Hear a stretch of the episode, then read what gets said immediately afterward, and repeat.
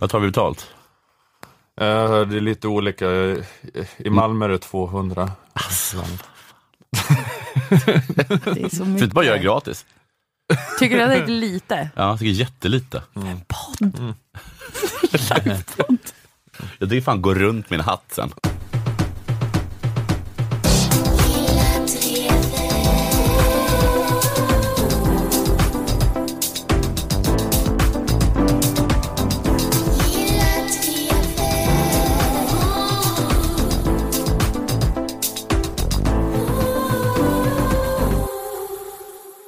Då säger vi välkomna till det 191 avsnittet av Lilla Drevet, en samtidskommenterande podcast för Aftonbladet Kultur i samarbete med Akademikernas A-kassa och fackförbundet Jusek. Jag heter Ola Söderholm, också på plats i Malmö musikstudio är Jonathan Unge och Moa Lundqvist. Hej på er! Hallå. Hej. Eh, Den här veckan ska vi prata om Försäkringskassans kamp för att omdefiniera psykiska sjukdomar Yes. och eh, om Sveriges ambassadör i Guatemala, Anders Kompass. Stämmer. Eh, Men först hörni, vi sitter här nere i Malmö, lite i bakvattnet Mm. i provinsen. Eh, Inte i centrum utan i periferin, det är långt till Stockholm. Ja, fyra och en halv timme va? I tåg då? Ja, går det så fort? Ja, kanske med de här tågen som bara stannar ett par gånger. Mm. Annars tror jag det tar upp mot fem timmar nästan. Så det är ju en bit. Så packa en macka. Därför, eh, ja, men vi sitter här då långt borta i bakvattnet, så därför är det alltså stort för oss när en av våra lokala hjältar får uppmärksamhet på den stora nationella scenen. Mm. Ja. Och det hände då i fredags när den rättslärde imamen Salahuddin Barakat fick vara med i Jörgen Wittfeldts podcast Fredagsintervjun. Mm. Wittfeldt han är ju då det gamla P1-ankaret, ni Mm. vet som nu har lämnat Sveriges Radio. Sveriges Radios snyggaste man. Okej, Mm, eh, visste inte detta. Han sprang varje, varje dag från Hallonskogen eller något där han bodde. ja, Det låter väldigt, som en eh, verklig saga. rikt, riktigt sådär äh, löparfräsch medelåldring. Ja. Eh, Väldigt mycket den Mm. auran. Nej, men Wittfeldt han har då lämnat Sveriges Radio för tidskriften Kvartal, där han gör en gerilla lördagsintervju, Mm. som man kallar fredagsintervjun. Ja. Han är lite som vi då, före detta SR-medarbetare som har gått Rogue Mm. och nu vänt sig mot SR. Så som vi med Lilla Drevet förintat tankesmedjan, försöker, försöker han nu då med fredagsintervjun förinta lördagsintervjun, tror jag är hans ambition. Eh, det är hans ord, inte mina. Men, eh, det är mina ord, inte hans. Jag försökte få ihop det. Har han sagt att vi har Kaxigare. förintat tankesmedjan? Mm, det var ju en sån, när, när han gick över till kvartal så var det en sån presskonferens där han bara stod i bara överkropp och kysste sina biceps och skrek jag ska förinta Sveriges Radio. Så, så det var ju talk the talk, men Ja. så gäller det att visa att man kan walk the walk Ja. också. Ja. Man måste vara som Zlatan, man snackar men sen gör man mål också. Mm. Så det är det, det han håller på med nu då. Bland annat med att intervjua den rättslärde imamen Salahuddin Barakat. En av mina favorit Malmökändisar där. En gång hämtade vi lunch samtidigt på samma afghanska restaurang. Men vet du vem det är? Ja, ja, ja. Han är en sån mediaimam. Är han känd alltså? Ja, men det är väl de som är de kändaste i Malmö, att det kan han imamen och rabbinen. Olika människor som är med och pratar om förtryck. I, i så här, Studio 1 och Agenda. Nej, men det är eh, Salahuddin Barakat. Eh, Han är, då, han är väldigt konservativ muslim. Han beskriver sig själv som bokstavstroende. Men han är en sån, en sån där uh, tokreligiös som har bra, bra game. Alltså ni vet det här lite, att man, att man eh, det är ju ett ganska hårt och kärvt budskap, men man märker Ja. det knappt för att det är så mjuk och fin röst och resonerande stil. Får, ta, får han, är han tvungen att tackla den där frågan vad man ska göra med avfällningar? Ja, jag vet inte riktigt. Jag, han fick inte den frågan så Det rakt. brukar de få. Okej. För då blir det alltid lite pinsamt. Mm. Man är tvungen att slå ihjäl. Ehm, ja, precis. Ja, men jag tror att han eh, jag tror att han är, han är liksom inte så att han tycker att man ska slå ihjäl avfällningar. Men det, jag tänkte på det när, jag hörde den här intervjun, att det är något lite intressant med, alltså att tok, till exempel tokreligiösa är ofta så här lite mera eh, sofistikerade demokrater än vad majoritetsbefolkningen är. Alltså för att folk i allmänhet har ju ofta lite mer den här eh, synen på demokrati, att det är majoritetsstyre liksom, Mm. bara. Men att eh, typ Ja men, så här, liksom, men att så här, Salahuddin Barakat, eh, han är en sån som inte vill skaka hand med tjejer. Nej. Och, eh, och det är ju egentligen, alltså, jag håller ju med om det, att när Stefan Löfven ska inte stå så här och säga så, alla ska skaka hand med varandra. Egentligen så är det ju, borde inte han stå och säga sådana saker, men det Men det är då liksom, om man bara har den förståelsen för demokrati, alltså om vi, om vi gjorde en opinionsundersökning i Sverige, Mm. så här, ska vi stifta en lag om att alla måste skaka hand med varandra, då skulle ju alltid utfallet bli, ja det ska vi göra, vi ska göra det igår liksom. Eh, men det är ju, det är ju, det är ju, det är ju sämre liksom liberal demokrati. Ja. Det ska ju inte vara så. Så, att, eh, så, att, jag inte, så att det, det är något så konstigt att på ett sätt är de inte så demokratiska, tokreligiösa, men på ett annat sätt har de bättre koll på det här. Alexis de Tocquevilles nyanserade syn på demokrati och så vidare.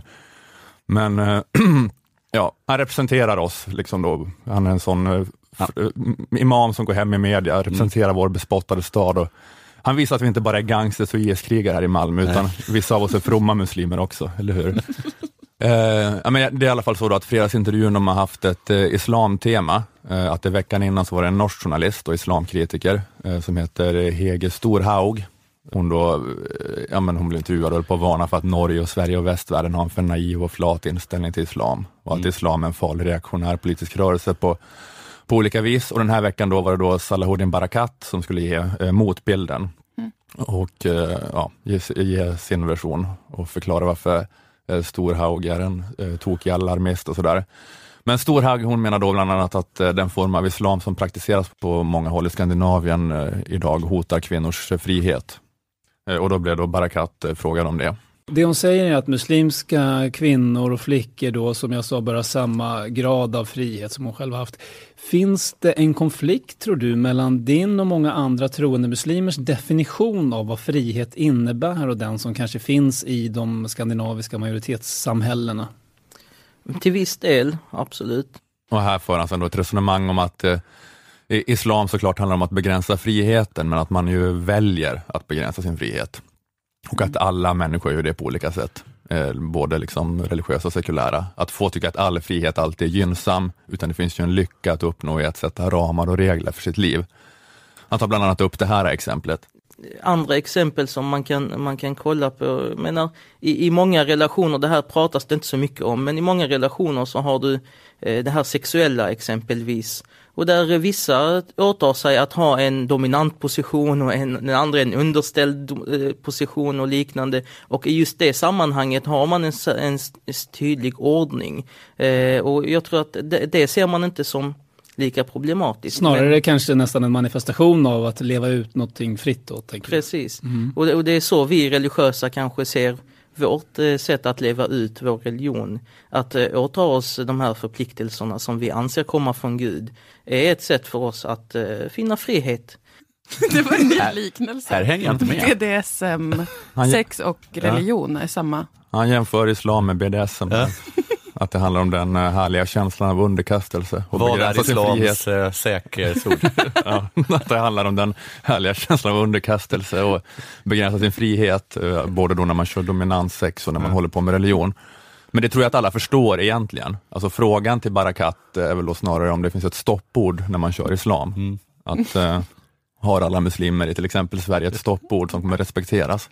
Om man blir för hungrig under ramadan, kan man då ropa lådcykel och så får man ta en macka. Då avbryts det. Att det, att det är det som är frågan egentligen här kanske. Men, det, men jag tänkte på det, det, det är ändå rätt likt eh, BDSM och islam. Eh, Alltså när jag kollar lite på det. Att utövarna verkar, utövarna verkar till exempel ha samma upplevelse, att de möts av fördomar till exempel. Mm. Jag hittade en krönika i Dagens Arena skriven av, BDS, av en BDSM-utövare och aktivist med rubriken Låt mig berätta vad BDSM är. Mm. Att man hade kunnat byta ut BDSM mot islam. Ja.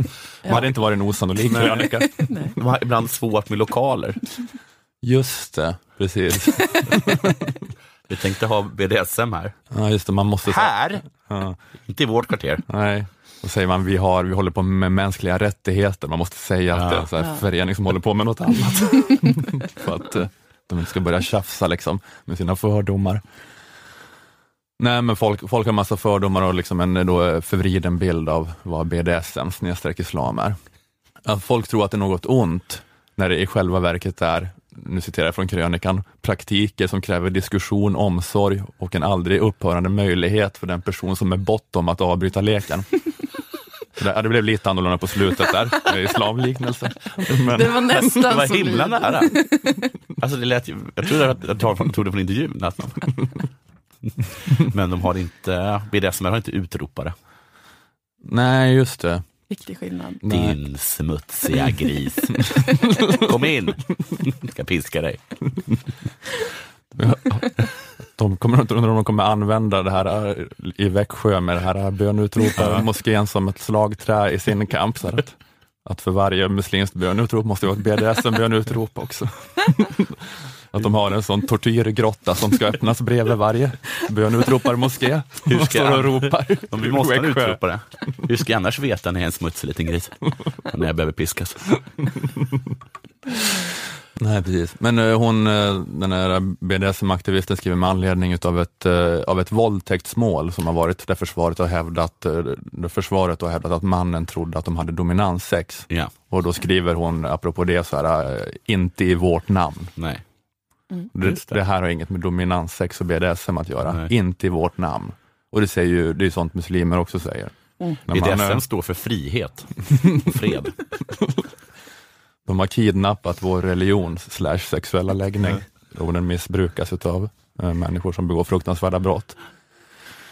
En annan likhet mellan eh, BDSM-utövare och eh, muslimer är att eh, båda grupperna tills nyss utsattes för diskriminerande lagar på Island. Jaså? Ja, men bara här om året avskrevs BDSM som en psykisk sjukdom på Island. Och det var också fram till 1974 lagligt att slå ihjäl muslimer på Island. Oj. Oj. Till 70, Ja, 19? 1974. Det var inte bara lagligt, det var obligatoriskt att slå ihjäl dem. Va? Ja, men det var, det Men var, vem instiftade den lagen? den, den instiftades under den så kallade turkräden på Island 1627. Va? Då, då, då pirater från det Osmanska riket, det här är helt sant, pirater från det Osmanska riket landsteg på Island och kidnappade 380 islänningar Ja, men- som sen såldes i det Osmanska riket. Eh, Alltså det var då en del av den här slavhandeln. Men varför åkte de upp till Island gjorde det? Men det var den här De måste ha slav... seglat fel. Ja, ja, det var nog rätt år som de raidade Island, men det fanns ju en rätt omfattande slavhandel Ja, med ja. vita kristna i nordafrikanska hamnar. Man kanske snarare raidade holländska och belgiska kusten och sånt där. Och åka Skottland och Irland. Men, Island.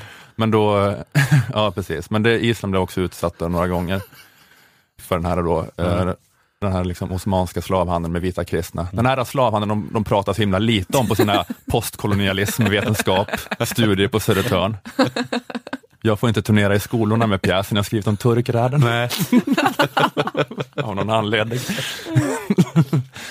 Men i alla fall, eh, efter att det skedde då, det traumat för Island, så stiftade de lagen om att man, eh, man måste mörda turkar on site. Ja. Om du ser en turk, slay, slay, slay turks on site. Också att de var tvungna att ha en lag för att tvinga dem att döda döda dem. Att, att, att, att, att andra inte, att de orkar inte annars eller? Nej, De nej. ville inte. De ville glömma att gå vidare, men det var en lag. Och fortsätta. Och, då sen, och de glömde då, eh, den här lagen råkade ligga fram till 1974, när man upptäckte den. Efter ett tragiskt dödsfall Men det är, alltså, Turkish Airline, de var tvungna att mellanlanda där. Tänkte de, det här får vi titta över. Merhaba! Bisarrt laglydiga islänningar som bara haft koll på det här, alltså land, mellanlandade ett turkiskt plan Ja. där på Keflavik och de bara, ah, måste vi Helt utan glädje slog de ihjäl. Besättning. planet, drog ut alla. Hängde de upp och ner i ett träd, stod och ropade med facklor och högafflar runt om. Ja, men det, alltså det var ju en annan sån här restlag i Island som också var att det var tillåtet att mörda basker. Mm. Eh, alltså den spanska men de minoritetsbefolkningen. rädade också. Nej, det Och var, tog fisk kanske. Nej, ja, det, det som hände med basker var att det var baskiska sjömän som inte liksom var pirater som jagade slavar, men jag tror det var några år innan, typ 1612 eller sånt där, alltså råkade de bara stranda på Island. Ja. Och så var de där liksom, eh, Hade en jävla attityd. ja det var att de hade en jävla attityd, jag tror att de var där kanske ett, ett gäng eh, 30-40 basker liksom, Ja. och så var- de bara, visste de inte vad de skulle göra på Island och så började de kanske hålla på och stjäla lite grann och, så där, och röva lite grann där. Och då var det som att de, vad ska vi göra åt det här problemet med baskerna? Och då var det som att, ja, men vi, sk- vi, då, då stiftade de en lag om att det var okej att döda dem. Så att de så här, höll, höll, Men Island hade de behöver lag. Ja, de, de höll ändå koll. Det skulle ändå vara en rättssäker process. Det kan inte bara vara en mobb som springer och slår ihjäl dem, utan du, nu, nu tar vi det här i rätt ordning. Att det är lagligt att döda baskar. Men det gäller aldrig deras lagar om man ska slå ihjäl något eller inte. I alla fall, men det var, ehm, men, men det var bara här om året tror jag, den, som, den, som de lyckades få bort den. Lyckades? Eller lyckades. Stötte det på patrull? Det var en sån segdragen strid. Det var som så här kärnkraftsfrågan var i Sverige. Delade partierna. En annan grej då eh, angående liksom då, eh, islam och islams roll i det moderna samhället, en fråga som man får av Hvitfeldt Barakat eh, är det här. Ett eh, vanligt påstående som ofta återkommer är att islam aldrig har genomgått en humaniserande reformation. Ehm, ja, har den det tycker du? Borde den göra det? Precis, borde islam gå igenom en humaniserande reformation, precis som BDSM gjorde i och med 50 shades of Grey. Just det. Och det skapades en lite snällare, mesigare variant av Ja. BDSM som kändes ofarlig för det västerländska mainstream-samhället. Även om de bokstavstroende tog avstånd och fördömde filmen som inte rätt trogen BDSM. Behöver islam sin egna 50 shades of Grey? Istället för inte utan min dotter. Självklart får du ta med din dotter. Du behöver den filmen. Du får ta med henne, Resa från Iran. Jag stal era pass, men om du säger stoppordet lådcykel så avbryter jag direkt och ger tillbaka passen. Så kan ni resa. Vilken tråkig film. Det är väldigt kort. Ingen som helst nerv i den. Nej, feel good.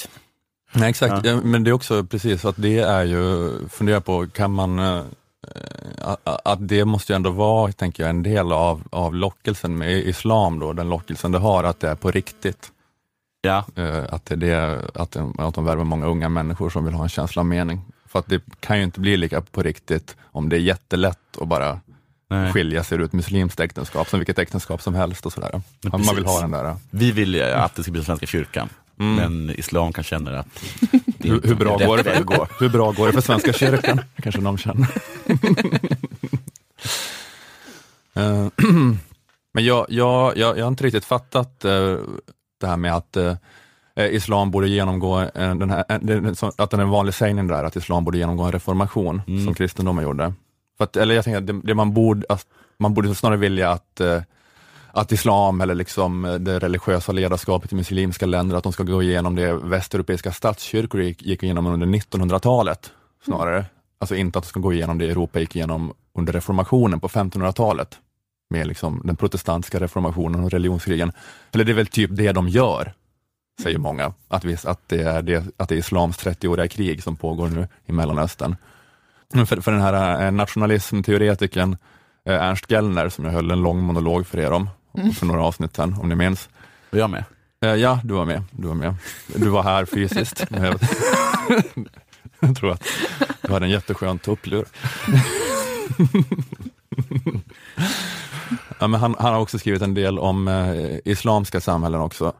Och han menar på att eh, alltså modern islam är så himla eh, reformerad. Att islam är den allra mest protestantiska religionen som finns. Eh, för att den protestantiska reformationen gick ut, gick ut på det att gå tillbaka till skriften, inget krimskrams. Inget skulle stå mellan människan och Guds ord. Bibeln skulle inte vara på latin utan på folkspråket, inga helgon och reliker och vifta med en sån här kula som det kommer rökelse ur. Inga påvar, inga avlatsbrev. Inte massa krimskrams utan bara skriften, Guds ord. Stark och ren tro, puritansk. Och, och att det är som med islam i liksom arabvärlden, att det, historiskt har funnits två versioner. Att det har funnits den lite mer lantliga eh, hejsan hoppsan islam, eh, som eh, bl- bland de olika stammarna, alltså människor som är analfabeter oftast, och de höll på med någon slags islam, eh, men, eh, men de kunde inte studera texten själva. De hade olika lokala traditioner och höll på med så här, helgonkulter och hade kanske olika reliker och tempel och, och att det var lite så här, det var ingen ordning på det viset. Ja, men de hade så kallade, det var helgon som var liksom Alltså levande människor som kallades helgon, som var deras religiösa ledare. Här, lite halvgudpräster som de höll på med. Ja, men typ lite som eh, vissa judiska liksom, se- sekter eller vad det är, liksom dyrkar sina rebbe. Ja, Den är liksom som en sorts liten halvgud. Okej, ja. ja men så uh, ungefär så antar jag. Och det var ju, och det är egentligen eh, helt liksom blasfemiskt enligt någon slags eh, strikt tolkning av islam, med att de höll på så. Och vid sidan om denna folkliga islam fanns då de lärdas islam som praktiserades av den urbana eliten. Och de här då helgonkulterna och de skriftlärda stadsborna levde i någon slags fredlig samexistens ofta. Men det, men det Gellner menar då att under de senaste 100-150 åren eh, som ett eh, svar på västlig dominans och kolonisering har det varit en väckelse för den här då renare, sannare, texttrogna islam som ett påbud för alla människor och att den, här traditionella folkliga islamen som de obildade massorna ägnade sig åt att den representerade förfall och glidning bort från den sanna tron och att den liksom delvis fick skulden för det här att det en gång så självsäkra och dominerande islam nu utsattes för förödmjukelser och utländsk erövring. Så därför var liksom motmedlet för att återupprätta islams storhet en återgång till den här sanna, rena, ursprungliga tron, bara baserad på texten och inget annat. Alltså då trots att den här folkliga, lite mer slappa islamen egentligen antagligen var mera ursprunglig. Alltså om man tänker så, men, men, men det var lite på samma vis som man i Europa på 1800-talet eh, under den nationalistiska väckelsen skapade en historia om ursprunglighet och ren svenskhet till exempel med en tusenårig historia med hjälp av några byggstenar av liksom svensk folkkultur. Så gjorde man samma sak i muslimska världen lite, eh, lite senare Eh, och skapade det här sanna, ursprungliga, eviga sociala kittet som håller ihop oss. Men här var det då den heliga skriften som eh, liksom var den sammanhållande länken. Så därför finns det så här islam, det finns islamsk nationalism på ett sätt som det inte finns kristen. Att eh, religionen stod i centrum för det här, den moderna nationalismen på ett annat sätt. Så att, ja. Ja, jag vet inte, men jag, jag, jag vet inte vad jag vill säga med det här. Kanske bara att någon kan mejla mig och, mejla mig och förklara lite vad som menas med det där med reformationen. att, att islam ska reformeras som kristendomen har gjort. Ja, men vad de menar väl bara att de ska bli, att de ska bli lite mjäkiga och snälla. Ja, men protestanterna vill inte... Nej, Ja, det- jag vet. Du stirrar fel, stirrar, stirrar blind på fel ord. Ja. De, de menar typ, jag tror de menar reformärt, som man ser typ på reformärt liksom judendom, att tjejer får ha kippa om de vill, Mm. Ja, just det. bögar får gifta sig. Och, Mm. och liksom man, man, man kan spela gitarr i synagogan under. Shabbes. Mm. Herregud. Men för, för det jag tänker... Att, Lite snällt va? ja, men om man tänker på 1500-1600-talet, att det snarare var... Ja, jag vet, men, men, eh, men det är ju det man menar, att de, de behöver en Luther och alltså liksom hela den eh, Luther-grejen var ju att det snarare var förmodligen lite mer slappt och hejsan hoppsan i den katolska världen. Sen Ja. kom de här super liksom, strikta protestanterna. Ja men det är som det här med anabaptisterna i Münster. Liksom. Ja. Det är ju Det är det som pågår nu. Ja, det är ju det som är IS. Liksom. Så ja, precis. Men det kanske är, det kanske liksom är ett första steg mot att det sen blir mer då, eh, humanism och individuella rättigheter. Ja, det är som att nu har de haft Münster, så sitter vi otåligt och väntar på liksom att, eh, men vad heter det, islams ungdoms, eller vad- liksom att de ska gå omkring med gitarr och bara säga, ja Gud, vad är Gud för, kan Gud är väl för dig vad det är för mig, eller din, din Gud är inte min Gud, eller Gud, han vill bara att det ska vara bra. Den, Längtar. det är den vi väntar på. längtar, längtar. Men det är det här liksom dogmatiska puritanska draget i liksom protestantismen som, alltså, på, på, att det på vissa sätt då var en utveckling jämfört med katolicismen, men att den också är värre. Ja. Och att så har liksom människor i protestantiska länder på vissa sätt fortsatt vara, tror jag också kulturellt. Att svenskar är lite tokiga än idag på det viset, för att vi är så liksom puritanska. Och, eh, det var en, när jag bara läste på Wikipedia om det här, att det var mycket, alltså Tyskland är ju ganska delat mellan protestanter och katoliker. Ja. Och det var mycket, mycket vanligare att protestanter röstade på nazisterna Ja. än katoliker. Jaha. Jag tänker mig. Mycket, mycket vanligare. Ja. Alltså då, för att Luther var ju superantisemit också, liksom, och de så här, Ordning och reda. de var ordning och reda och, och just det att det var säkert all, massa katolska teologer, väl också antisemiter, men att protestanterna läser texten så jävla noga. Ja. Det ska vara helt rätt. Alltså den här, ja, men den här liksom, tyska eh, liksom galna paragrafrytteriet liksom, som är liksom med protestantismens farlighet. Ja, ja, men någon får mejla mig.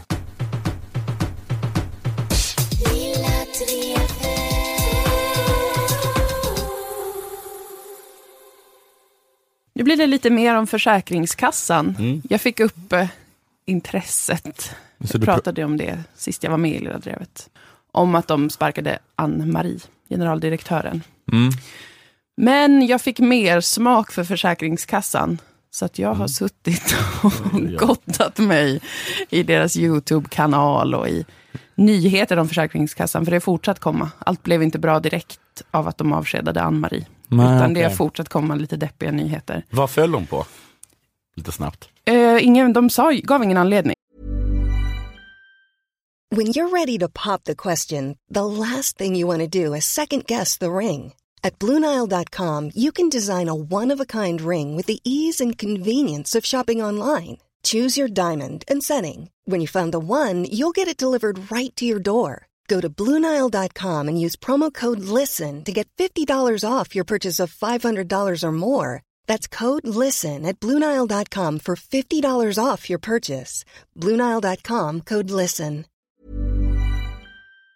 Eh, Det verkar vara som att det var bara ett politiskt drag. Ah, ja. För att de ska kunna distansera sig från allt vidrigt Ah. som pågått. Att de har ju fattat beslut om eh, att man ska ha hårdare regler. Ja. Och sen har hon då genomdrivit de Ja, hårdare just det. reglerna och så att man vill distansera sig lite grann från. Vem är den galningen? Varför Ja. gjorde hon som vi, varför gjorde hon som vi sa att hon skulle göra? Herregud. En galning. Man läser ju våra direktiv ordagrant. Ja, men det var, Ja. det, det var ju en teori eh, som, eh, som vi hade, att det var att hon hade sån att de inte hade räknat med att hon skulle vara så kompetent på att utföra sitt uppdrag. Nej. Ja. Att vi trodde, om vi visste att hon skulle göra det så här utförligt hade vi inte sagt åt henne att göra allt på en gång med LSS och sådär. Men hon gjorde det jätteeffektivt. Mm. Så i alla fall, mer smak, mer smak. Fler nyheter om Försäkringskassan. Ekot rapporterade nu i veckan att allt fler överklagar sina avslag på sjukpenning, för Mm. sjukpenning, hur man nu säger det. På ett år så har antalet överklaganden dubblerats. Och det finns ungefär 5500 sådana pågående fall nu i förvaltnings, vad heter det? Domstol, förvaltningsdomstol. Jag kommer inte ihåg, men ni fattar. Mm, Folk eh, överklagar att de inte får sjukpenning. just Det är högsta siffran sedan 2010 på sådana här pågående fall. Och de flesta avslag gäller då personer som sjukskrivit sig på grund av psykisk ohälsa. Specifikt då den psykiska ohälsa som är utbrändhet, stressreaktioner och liknande. För de fallen har ökat svinmycket och speciellt bland kvinnor. 2009 var det 24 000 pågående sådana fall och 2016 var det uppe i 64 000. Så det har varit en, liksom, en jätte, jätte, jätteökning av kvinnor som sjukskriver sig på grund av utbrändhet, stress och så vidare. Och Försäkringskassan har ju problem med det. Kostar ju jättemycket. Ska man också spara samtidigt. Och så har man alla dessa kvinnor som pågår om sin stress. alltså. Hur är det nu? Det, det, finns eller? Eh, Diagnosen utmattningsdepression finns. Den, ex- den existerar på riktigt liksom? Ja. ja. Ja, det finns bara i Sverige dock. Eh, fast det finns olika typer av diagnoser för liknande. Alltså när ens olika funktioner lägger ner på grund av för hög belastning. Alltså man, man ja, ni vet allt det där. Man krisar sönder, man slutar fungera. Men det finns i alla fall så att man kan få det som diagnos i Sverige. Mm. Sen eh, är det lite oklart vad det beror på ju. Och det är väldigt individuellt. Det kan vara flera olika saker samtidigt som gör att man inte orkar mer. Ja, Försäkringskassan kräver att det ska finnas eh, objektiva undersökningsfynd, som de kallar det, för att de ska bevilja sjukpenning för den här typen av psykisk ohälsa. Det är ett försök att liksom göra det svårare. Att bestämma exakt vilka typer av eh, saker som en läkare måste hitta hos en patient för att den ska beviljas sjukpenning. De Försäkringskassorna har själva skrivit ihop vad det är för typ av fynd en läkare ska göra under en undersökning och det är till exempel detta. Ove Andersson på Läkarförbundet är kritisk till att Försäkringskassan efterfrågar objektiva undersökningsfynd i läkarintygen. Till exempel att en gråtande patient under läkarbesöket skulle bevisa att patienten är deprimerad. De har själva bestämt att hur man vet att någon är till exempel deprimerad, det är om någon gråter väldigt ofta. De har sett så About a Boy-filmen, där mamman ju gråter hela tiden. Hon är ju deprimerad. Aha, okej. Och den lilla pojken vet inte vad som händer. Jag tänker ledsen, tänker man gråt. Ja, precis. Alltså om du mår riktigt dåligt så gråter du ju. Ja. Särskilt när du pratar med läkaren, för då kanske du får utlopp för känslorna. Så Försäkringskassan har skrivit det som typ vad de behöver få se att läkaren skriver. Eller de, de, det behöver Alltså, hända. det står det i deras riktlinjer, en gråt till exempel. Ja. Om du, ja, du ska, det är ett objektivt du, ska, fynd. du ska undersöka fukt på kinden innan du fattar ett beslut. ja. Men, ja. Och Läkarförbundet är ju kritiska till det här. De säger att det är alldeles för specifikt. Plus det är inte så man diagnostiserar depression eller ångestsyndrom. att man sitter ju inte bara och kollar så hur mycket någon gråter och mäter hur många tårar det är. Och så säger man så att du är kliniskt deprimerad för du har gråtit 14 centiliter. Kan man byta ut gråt mot att skrika bara? De har kanske det också. Det vet inte jag. Men alltså det, mycket av det som de, folk som sjukskriver sig för till exempel kronisk trötthet, då orkar man inte ens gråta, då sitter man bara helt apatisk. Eh, Men gråt då? Gråt om du är så jävla ledsen och inte orkar jobba. Och det, och det måste vara tårar liksom? Den det här liksom bara... Jag antar det. Och så Lille Skutt-tårar. Är det så? Har Då, man som då, bild? då, får, då, får man, då får man max-taket. Doktorn håller upp en bild på Lille Skutt. Nej. Det är inte likt. Du är inte ledsen eller deprimerad. Det ser ut som Skalman. Ja, men detta, Läkarförbundet säger nu också, de håller med i, den, för Ekot gjorde den här granskningen tror jag, och har pratat med flera jurister som företräder folk som överklagar besluten. Och både de jurister som Ekot har pratat med och Läkarförbundet säger så här, det är, det är omöjligt att göra ett sånt läkarintyg baserat på vad Försäkringskassan tror om hur man diagnostiserar till exempel. Vem är det som har skrivit kriterierna? Jag vet inte detta Nej. exakt, alltså hur de... För det här är ju Försäkringskassans egna underlag för att bevilja sjukpenning och de har ju läkare knutna till Försäkringskassan som granskar intygen och sånt där. Ja. Så att, men de följer väl Socialstyrelsen, heter det det? Mm. Deras riktlinjer och de har tagit fram nya sådana och så vidare. Men jag, jag vet faktiskt inte riktigt, Nej. så det känns otryggt att uttala sig.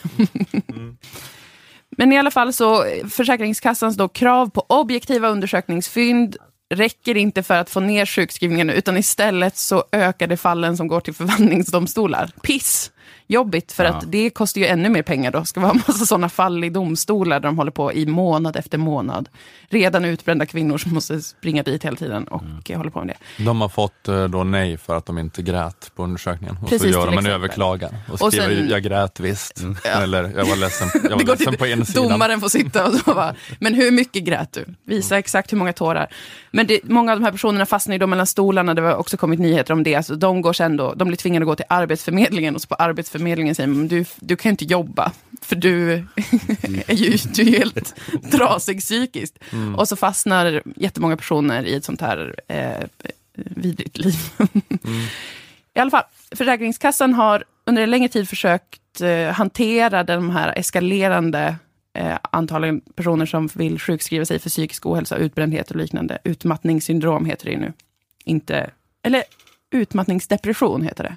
Jag ska inte säga utbränd, tydligen. Okej. De har varit drivande i att ha en filosofisk och existentiell debatt kring psykisk ohälsa i ett syfte att kanske lyckas omdefiniera vad det är för någonting. För att på den vägen kunna få ner sjukskrivningarna. De har ju fått, eh, de har gjort de här egna lite grann kriterierna då. Det här med att man ska gråta om man är deprimerad hos läkaren. Men de har även gjort mycket mer.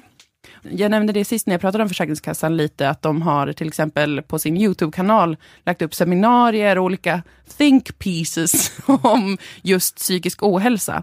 Eh, och jag kollade på deras seminarium som hade den här rubriken. Psykisk ohälsa, ett sjukdomstillstånd eller en del av livet. Det, det är, eh, var ett långt Ja. seminarium där de försöker reda i alltså, är det något man behöver sjukskriva sig för eller är det en del av livet? Och det är en väldigt svår fråga för en sån här myndighet att reda i, men de har verkligen försökt. Det är inte det enda försöket de har gjort. De har på Alme, Almedalsveckan eh, haft sådana samtal, de har lagt upp små videoklipp, eh, tänkvärda klipp om ifall det här är verkligen att man ska definiera som sjukdom, eller om det är en del av livet. Det är vinkeln de har valt för att försöka komma åt problemet. Men de menar att mä- människor kanske går omkring och har fått föreslå att de, måste, att de ska vara lyckliga, eller att de har rätt att vara lyckliga. Och om de inte är lyckliga så är de per definition sjuka. De vill i alla fall föra upp det till debatt och till sin hjälp så har de använt då läkare, eller specifikt ganska mycket en och samma läkare, samt några analytiker på Försäkringskassan, för att de vill belysa, liksom, kan det vara så, att de vill ödmjukt och stilla fråga att är psykisk ohälsa att vara sjuk, eller är det bara att man inte pallar sånt som man borde palla för att man kanske har en för naiv syn på hur livet är? De vill bara slänga ut frågan, och det måste de vill man ju få göra. skrika, skärp er, Ja, de- de här kvinnorna. Precis, men de måste verkligen försöka hålla sig intakta och vara så här, vi vill bara ta upp det till diskussion. Egentligen vill de bara så här, gå till jobbet. För i helvete människa. Det är inte synd om dig, vill de säga, men de kan inte säga det så. En av läkarna då, slash psykiatrikern, som Försäkringskassan har tagit in ganska ofta, det är en expert på allt, vad jag förstår. Allt det här. Hon heter Åsa. Hon är med i flera av deras videos på deras eh, YouTube-kanal. Och hon driv, driver då bland annat tesen att det här är anledningarna till att sjukskrivningarna ökar så mycket. Vad ser du för, för förklaringar till, till att det- detta har hänt då? Att så många av oss blir sjuka, bra. känner oss sjuka eh, i, i, stressrelaterade Men det har ju många svarat på innan. Det är Ja, att men- vi bor men- i paradiset och att hjärnan inte är anpassad till det, utan den letar fortfarande hoten. Ja. Ja. Vi bor i ju paradiset. Där man till exempel kan få jobba kanske 190 procent om man vill, som barnmorska. Eller vad- alltså man har ju allt om man verkligen vill i paradiset. Eh, Men hjärnan accepterar inte att vi har det så bra så den söker efter hotet. Det är ju en gammal klassisk tes som man kan få höra om man eh, har psykisk ohälsa av olika slag. Att liksom, problemet är att du kan inte älska livet för du har det för bra. Ja. Också, Eh, också var, känns inte betryggande att Försäkringskassan har hamnat i slang med någon sån där någon sån så här slapp evolutionspsykolog. Men de- Mä- Människa som håller på med stenåldershjärnan. Det är på grund av stenåldershjärnan som... Vi är apor. Vi är bara djur i djungeln och nu har vi hittat paradiset. Eh, de, har, de har gett sig i slang, för ett konstigt uttryck, med den här läkaren och psykiatrikern som har de här teorierna som de försöker, som, som ju tack och lov är helt förenliga med Försäkringskassans önskedröm, är ju det. Alltså det hon säger, som är att det är inget fel på samhället, utan det är bara fel på individen. Och det här är ju perfekt, det passar med Försäkringskassans förhoppning. Eh, Sådana här saker till exempel. Och idag kan man bli utmattad som 15-åring för att man oroar sig för att det är otydliga betygskriterier. Och nu vill jag säga ut till alla som tittar, det är inte betygskriteriernas fel. Utan det är att man oroar sig för betygskriterierna istället för att bli bra på att plugga. Burn. Redan utbrända. Tur att, Burn even more. tur att alla som tittade antagligen bara var du. Det var faktiskt, eh, det var faktiskt 4 000 views. Var faktiskt inte bara jag. Nej men det här har liksom Försäkringskassan kämpat på med, med den här kvinnan och eh, läkare, psykiatrikern, men även med deras analytiker. Så att de har försökt påverka debatten Mm. ganska länge. Eh, under Almedalsveckan som jag nämnde så var det en av deras analytiker som hade ett samtal med den här inramningen. Huruvida det alltid är en fråga om sjukdom och därigenom sjukskrivning eller om det är så att vi måste kunna hantera vanliga former av livsproblematik samtidigt. De har prägat in det. Och det finns ju liksom såklart en del i det som är att det kanske inte är den bästa behandlingen alla gånger att bli sjukskriven och så att vården kanske behöver ha större kompetens när det kommer till de här typerna av problematik med stress och utmattning och liknande. Alltså så att det är ju inte helt bara loco in the loco att säga att man kanske ska hitta fler sätt att hantera att så många att blir vissa, sjuka så. vissa blir ännu mer bara trötta av inaktiviteten och så. Ja, det kan vara att man behöver få hjälp och stöd på sin arbetsplats kanske, för att eh, man mår dåligt där och liknande. Men det ju, vore ju intressant om det var så att den enorma ökningen av sjukskrivna, utbrända, främst kvinnor, då bara handlar om att kvinnor inte kan acceptera att livet är lite tråkigt ibland. Nej, de är inte så bra på att bita ihop tjejer. De förväntar sig att man ska kunna sitta och lata sig och så kommer lyckan till en. Och det går ju inte. Men då tänker ju ni kanske, va, hallå, 2014 så gjorde ju Statens beredning för medicinsk och social utredning en systematisk litteraturöversikt och såg att ett antal arbetsmiljöfaktorer eh, påverkar risken att utveckla utmattningssyndrom. Alltså det var ju något av ett, lite av ett svar ändå, som, eller skulle kunna vara en del av förklaringen. Alltså att eh, de kom fram till att personer som inte kan påverka sin arbetssituation eller sin arbetsplats, som får bristande stöd i sin arbetsmiljö, har för pressande arbete, osäkerhet i anställning och så vidare. De har högre risk att utveckla utmattningssyndrom och det är samma risk bland män och kvinnor. Men sen så finns det ju vissa yrkesgrupper som är helt dominerade av kvinnor till exempel. Det är Vissa. mindre chans att bli utbränd om man har ett jobb man eh, älskar, som är bra betalt, där man har flextid. Och kollegor kanske som, eh, Kollegor som inte är ihjälstressade också, och som kan hjälpa en om man mår dåligt en dag eller liknande. Så det finns ju en sån eh, liksom, utredning Mm. som pekar ganska tydligt på det. Men mest, tänker ändå Försäkringskassan, så handlar det om att folk ska inte sjukskriva sig mot livet. Am I right? Kan ju inte sjukskriva er mot livet bara för att ni kan, tjejer. Lägg ner. Det är inte normalt, hälsar Försäkringskassan. Och eh, under seminariet Psykisk ohälsa, en sjukdom eller en del av livet, så diskuterade de också vad det är vi kan göra då, om den teorin stämmer. Att problemet med de här ökade sjukskrivningarna är att för många då, primärt kvinnor, inte kan acceptera att livet är lite tråkigt ibland. Nej. Vad ska vi göra då? tipsen, ta dig i kragen, skaffa lite ryggrad. Eh, när du kommer bli för, förbryllad av vad som behöver göras, för det är mycket som behöver göras ju. Okej. Om det här är en hel ny då kultur i samhället, att man bara sjukskriver sig direkt, det är lite motigt på Mm. jobbet. Om det nu är så, så kan det behövas mycket åtgärder. Och i den här eh, intervjun som eh, de, eller i, den här, eh, i det här seminariet, så pratade de om vad som behöver göras, men de visste inte riktigt hur man ska liksom skapa ett helt nytt samhälle egentligen, med helt nya åsikter. Och deras Försäkringskassans favoritpsykiatriker eh, kom med den här inputen, som gjorde mig lite orolig, kan man säga. Men det låter jätteklokt det här med liksom en annan kultur, leva hållbart, lära sig att säga nej, värna om sin integritet och sitt liv.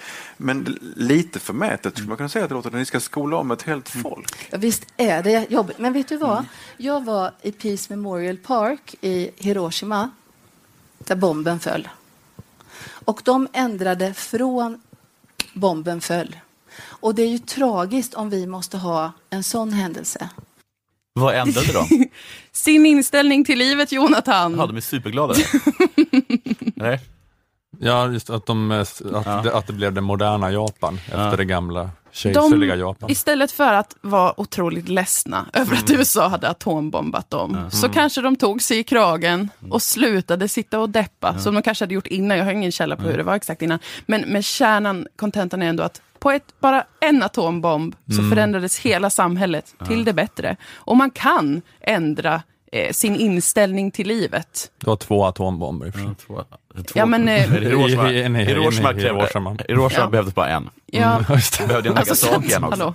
Ja, men precis. Ja, för det, för det har jag alltid haft så svårt, det är en parentes, jag har haft så svårt att förstå USAs resonemang bakom att släppa två atombomber. Ja, är Att man fattar, ja, men att det går och så, ja, okej, vi En- ville få slut på kriget och det här var mindre blodigt sätt att få slut på kriget och släppa en atombomb och visa, ja vi har det här vapnet. Men vad, skulle japanerna ha tänkt? Tänkte ni att om vi bara släpper en, tänker japanerna en gång är ingen gång. Alltså vad, vad fan var, var den där andra atombomben till för? Ja, ja. Men, hon skulle, men vi skulle behöva ett krig. Sluta kapa och- min Ja. försäkringskassa och Ja, prata om info om, om krig. Jävla killjävlar. Såg ett så himla bra, av, Kill, killarna fick vittring jag på krig. jag såg ett så bra avsnitt av eh, Hitlers hantlangare. Ola, jag tror du kan. Oavsett så, det vore i sanning olyckligt om det enda vi kan göra för att få ner sjukskrivningarna är att USA atombombar Sverige så att vi slutar ha massa kvinnor som går och stress sjukskriver, sjåpar sig. Men samtidigt, Försäkringskassan kan inte se så många andra alternativ kanske om det fortsätter i den här riktningen. Så hoppas inte, säger jag. Hoppas att eh, vi inte behöver vara med om det för att ändra den här eh, negativa trenden.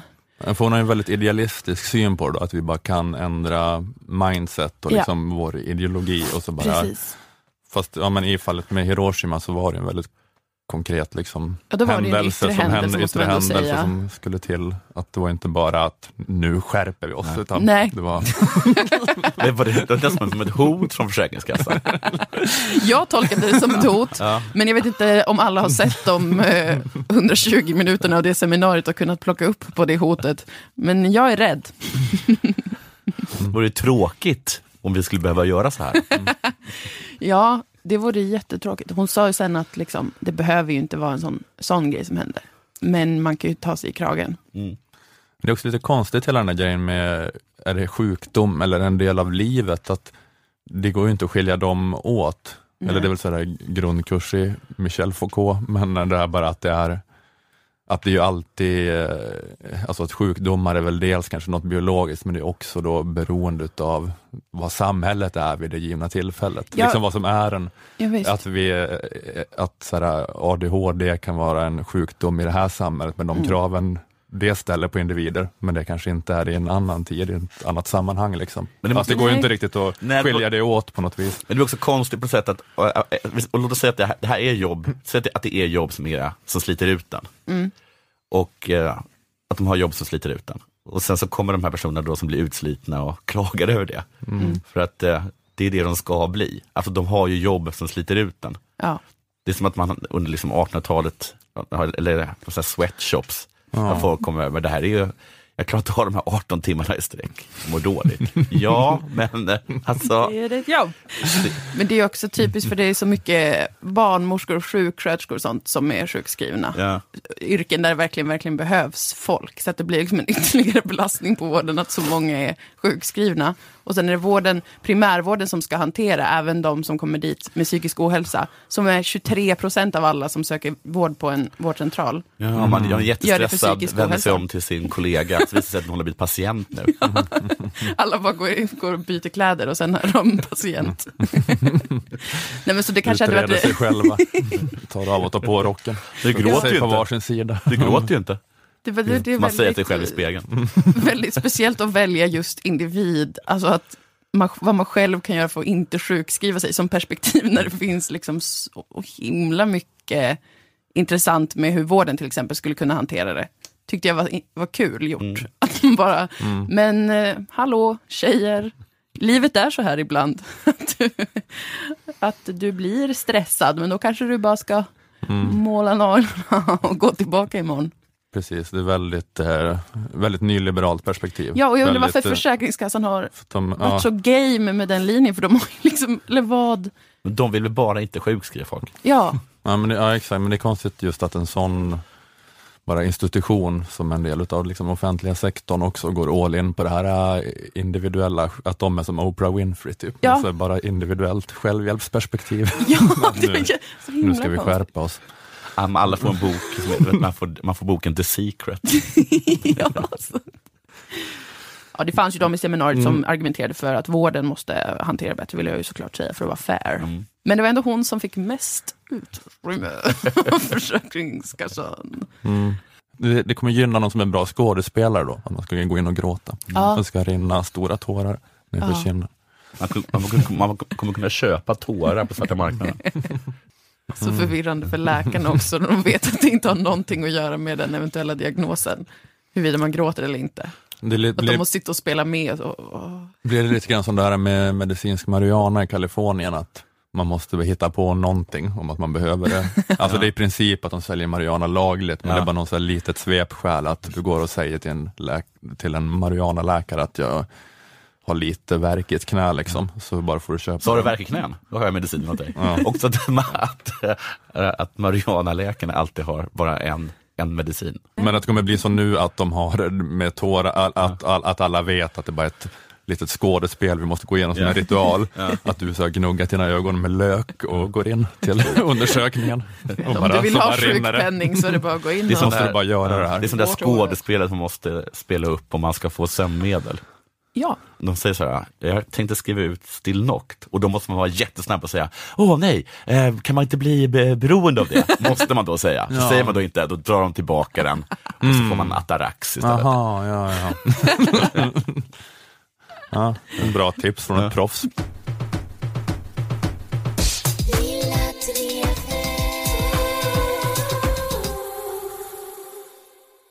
Ja, eh, hörni, nu är det ganska snart eh, sommar och semester och sedan till hösten tar man nya tag. Det är ju det egentliga nyåret som det brukar heta Mm. efter Ja. sommaren. Och det är den, eh, det lämpliga tillfället för nystarten, att du kanske inte vill gå tillbaka till samma jobb, samma arbetsuppgifter, samma kollegor. försöker Eh. du säga upp dig från lönebrevet?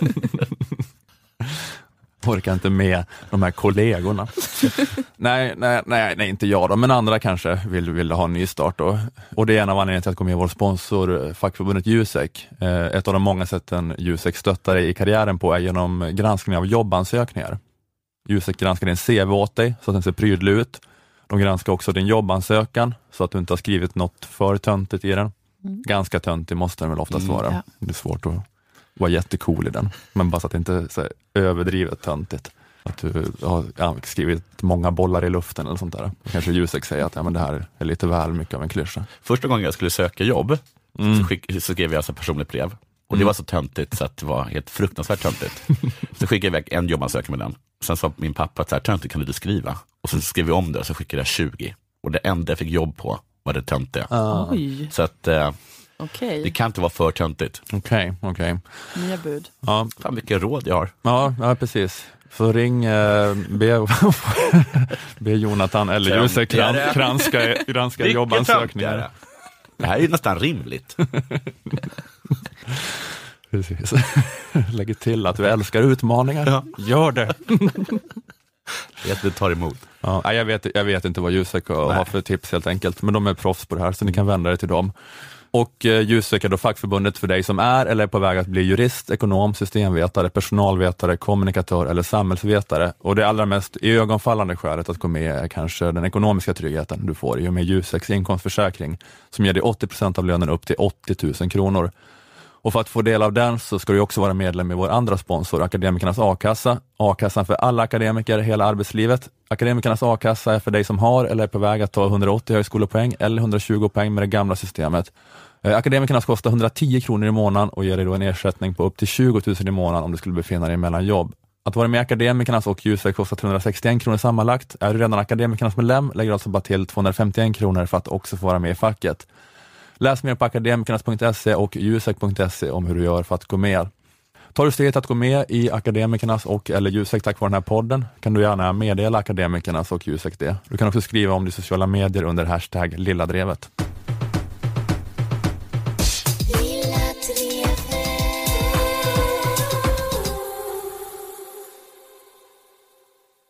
Okej.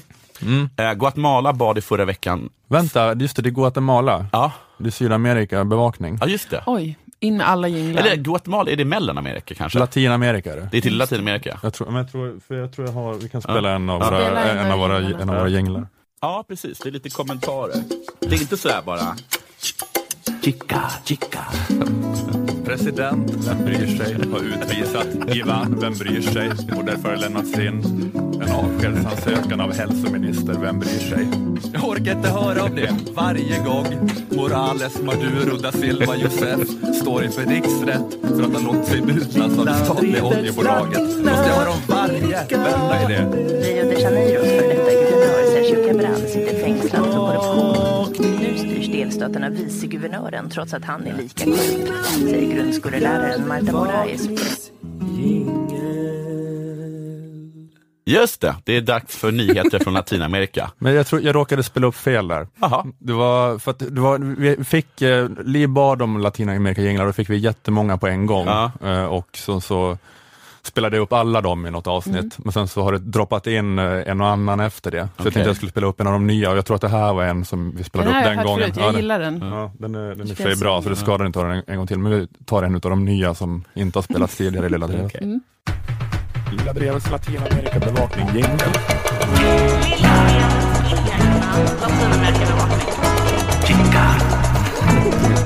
Lilla Drevets Latinamerika-bevakning, jingel. Lilla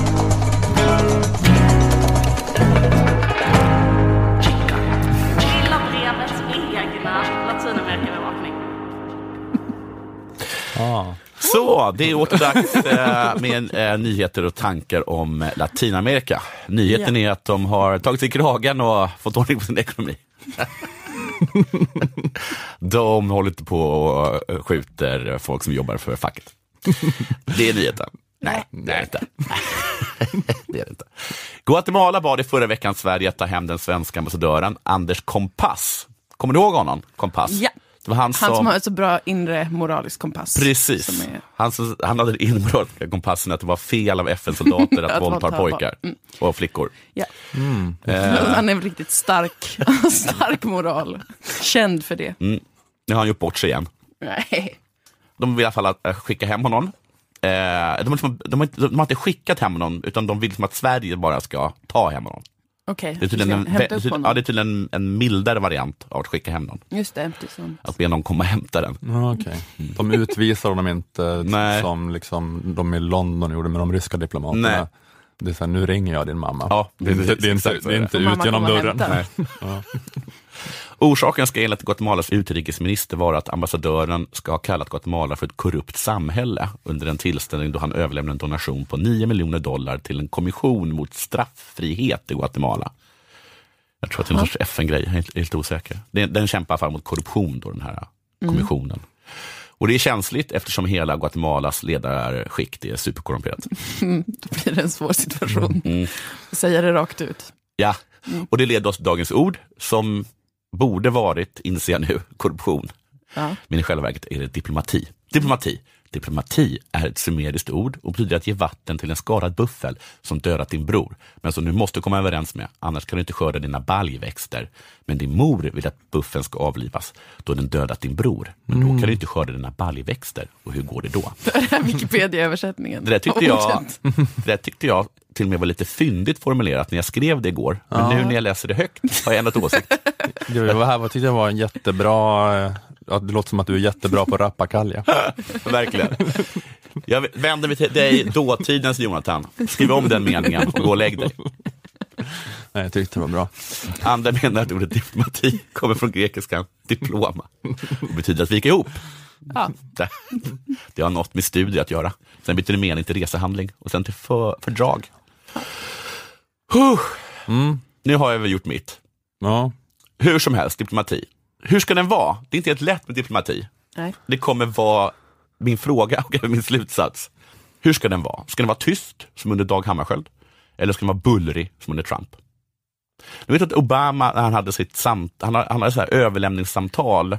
Han sitter liksom i, i Vita huset och har ett samtal med den tillträdande presidenten. Och då Mm. hade han till berättat att om det var något som höll honom vaken om nätterna så var det här med Nordkorea. Okej. Så ur då springer Trump, skriker tjockis och, fi- Alla är och vänner. fixar det. Ja, just det. Ja, det, jag, jag, har Det inte helt tänkt- otroligt. Jag har inte riktigt tänkt med, men det är så att han har fixat det. Ja, Det är fixat. Och han borde... de hade ett sånt ordkrig och sen var det fixat. Ja, Mm. De fick ut det ur systemen kanske. Vem Sådana syrliga förolämpningar. trott att det skulle funka så bra. Mm, jag. Det är bara sådär, Helt otroligt. jag trodde att det skulle bli krig. man bryter isen genom Ja. att slå någon på axeln. Ja. Alla bara, det kommer bli krig, det kommer bli krig. Blir det fred? Kände oss ganska dumma va? Ja. Man kan inte kalla honom tjockis och så tjockis var precis det. Så fick honom att fatta.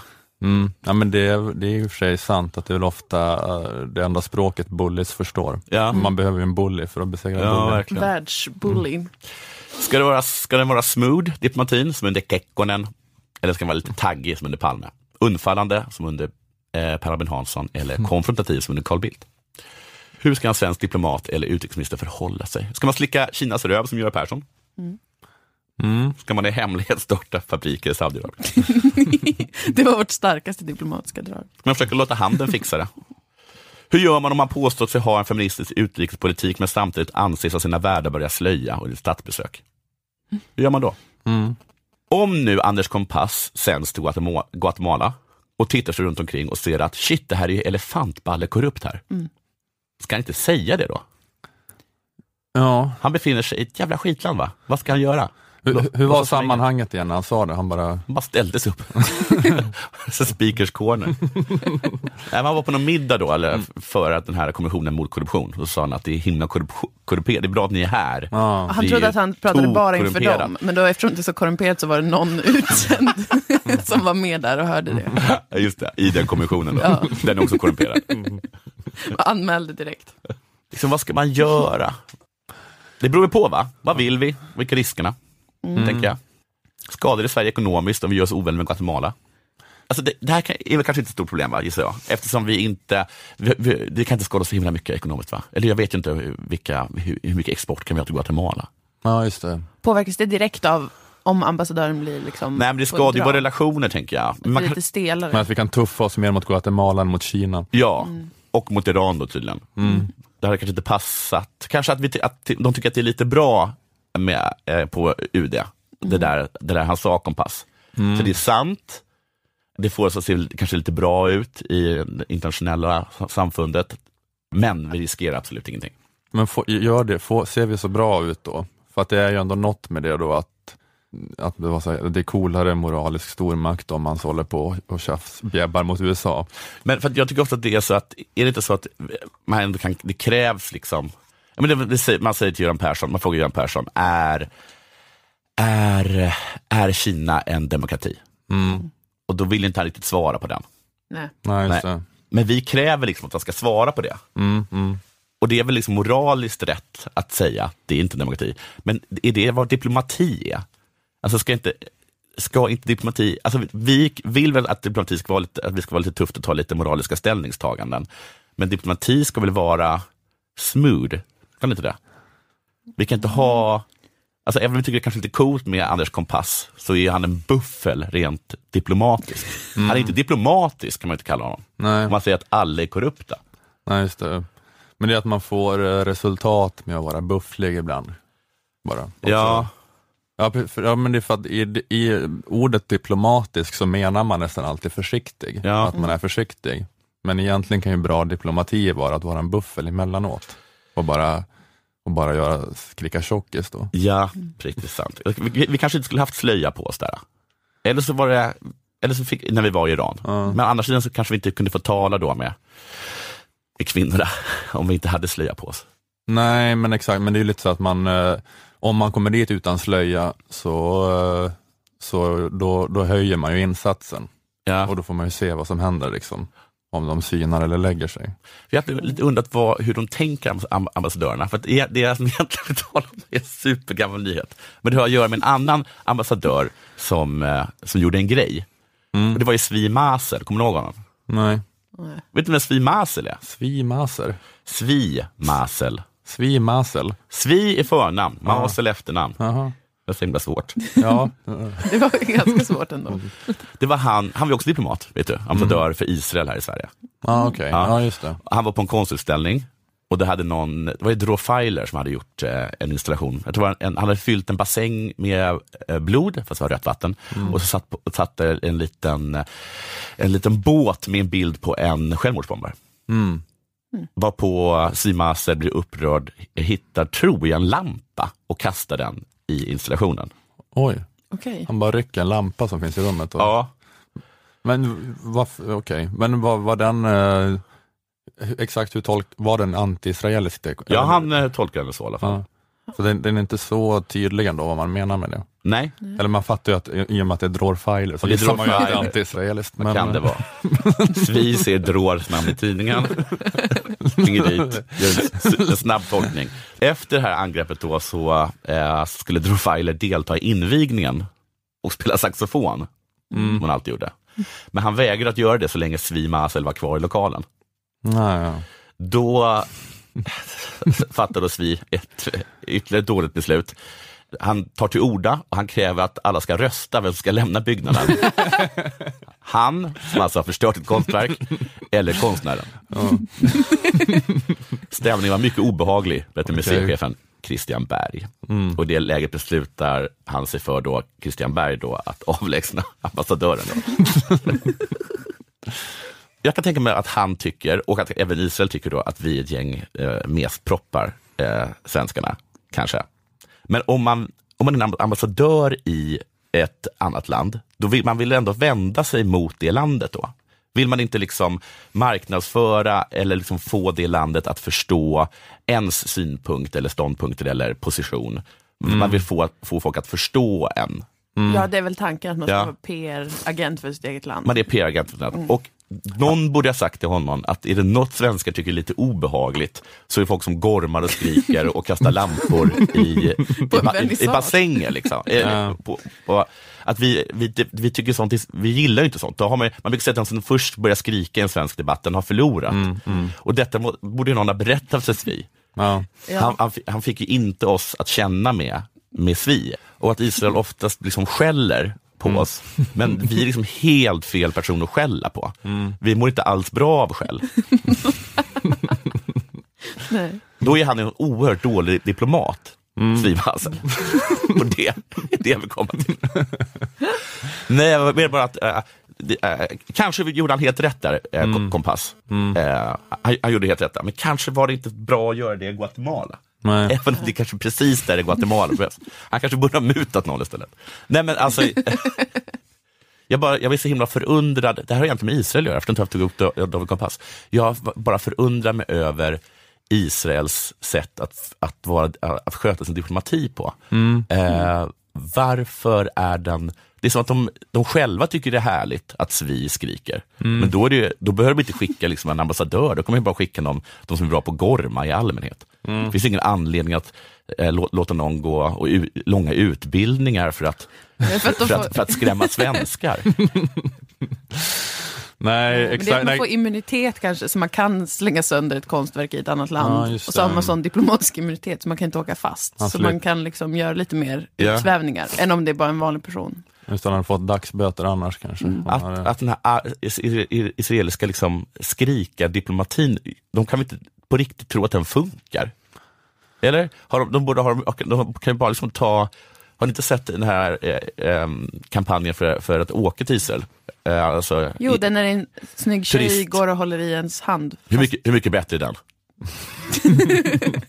Än det. Vilken tror ni går hem hos svenskarna? Svimasel, som kräver omröstningar, kastar lampor i pooler, eller liksom den här israeliska som, som leder den till en, Det är tak, fest, en takbar. fest och middag och De- allt möjligt. För nu, nu, man gör, aldrig, liksom, gör aldrig Israel liksom en utredning av hur deras diplomati funkar? Nej. Har, sagt, nu har vi provat att skrika på folk i, i fem år. Mm. Funkar det? Ja, men den situationen när han kräver omröstning där, att det är verkligen, alltså, ja, det är väldigt långt ifrån ens här, förståelse av vad diplomati ska vara. Man- Det är verkligen en sån David Brent situation känner man då, att fan vad obehagligt det är i det rummet. Film det Det, säger man ju i Sverige, att den personen som kräver omröstning om vem som ska lämna lokalen, den förlorar ju. Den har ju förlorat direkt. Det är den som får lämna lokalen. Men jag bara tänker att man kanske, att Israel borde liksom ta, en tur, ta en titt på sin di- diplomati och se, funkar det här gormandet? Eller ska vi prova, ska vi prova en annan approach? Men det, men det är nästan i fallet Sverige då, alltså det, det är så frostigt och Sverige erkände Palestina så att de har i princip gett upp eh, hoppet om att ha en Ja, de, konstruktiv de, de skickar relation. hit den som, de, Den som, som, mo- som mobbar svenskar Ja. och sen så Det ser bara- det bra ut eh, i tidningarna hem. Liksom. Ja, det är bara lite skönt, eh, liksom, skön katarsis att han här skriker åt Gissa- svenskarna att de är gissa- idioter. Gissa vem vi gormar åt idag? Är på första sidan på Haaretz. Ja, men han kanske är typecastad för det då, att han är deras sämsta diplomat liksom. Men han är, Man är eh, han, han är en ganska bra roastare. Men, ja, precis. Men jag tror, jag, jag tror att de kanske skulle kunna ändra på det om de slutade skicka eh, gormare och istället skicka, som den där amerikanska vad heter det, ambassadören som var med typ nästan Let's Dance, fast inte utan Halv åtta hos mig. Mm, Okej, Skicka dit en sån istället, just som det. inte skriker. Man borde ju typecasta till varje land, borde man skicka en diplomat. Som är liksom perfekt för det landet. Som Håkan Juholt är för Island. Ja, precis. Israel borde titta på Håkan Juholts ambassadörskap i Island. Att de får komma in och skjuta straffar på ambassadören och Ja. ha olika sådana jippon hela tiden. Men så här, vem, gillar, vem gillar att knäcka en bira och ta en cigg och inte stört förtjust i muslimer? Ja, Danmark. Steffe, han får vara i Danmark.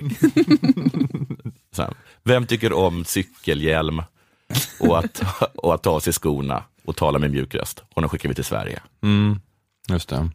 Ja, du tänker på Israel? Ja, nu var på Israel. Mm, just det.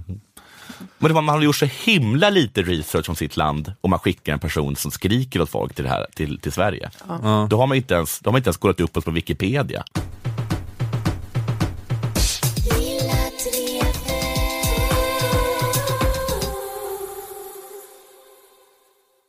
Ja, vi gör den här lilla live-poddvändan. Eh, Det är vi tre som gör den, Lilla Drevet live. Och då slutsålt eh, Göteborg, slutsålt Stockholm, himla massa sålt i Malmö också, men eh, det finns fortfarande biljetter här i Malmö. Malmö Opera, torsdag 31 maj. Med hela symfoniorkestern. Är det sant? Ja, det är, jag vet inte om vi ska lova, men jag tror det kommer bli något, eh, kul, något kul med att eh, vi är på Operan. tror jag. Och eh, vi kommer ha, eh, man kan köpa Lilla Drevet ölen där också i Malmö. Bara en sån sak. Med eh, Nannas fina etikett.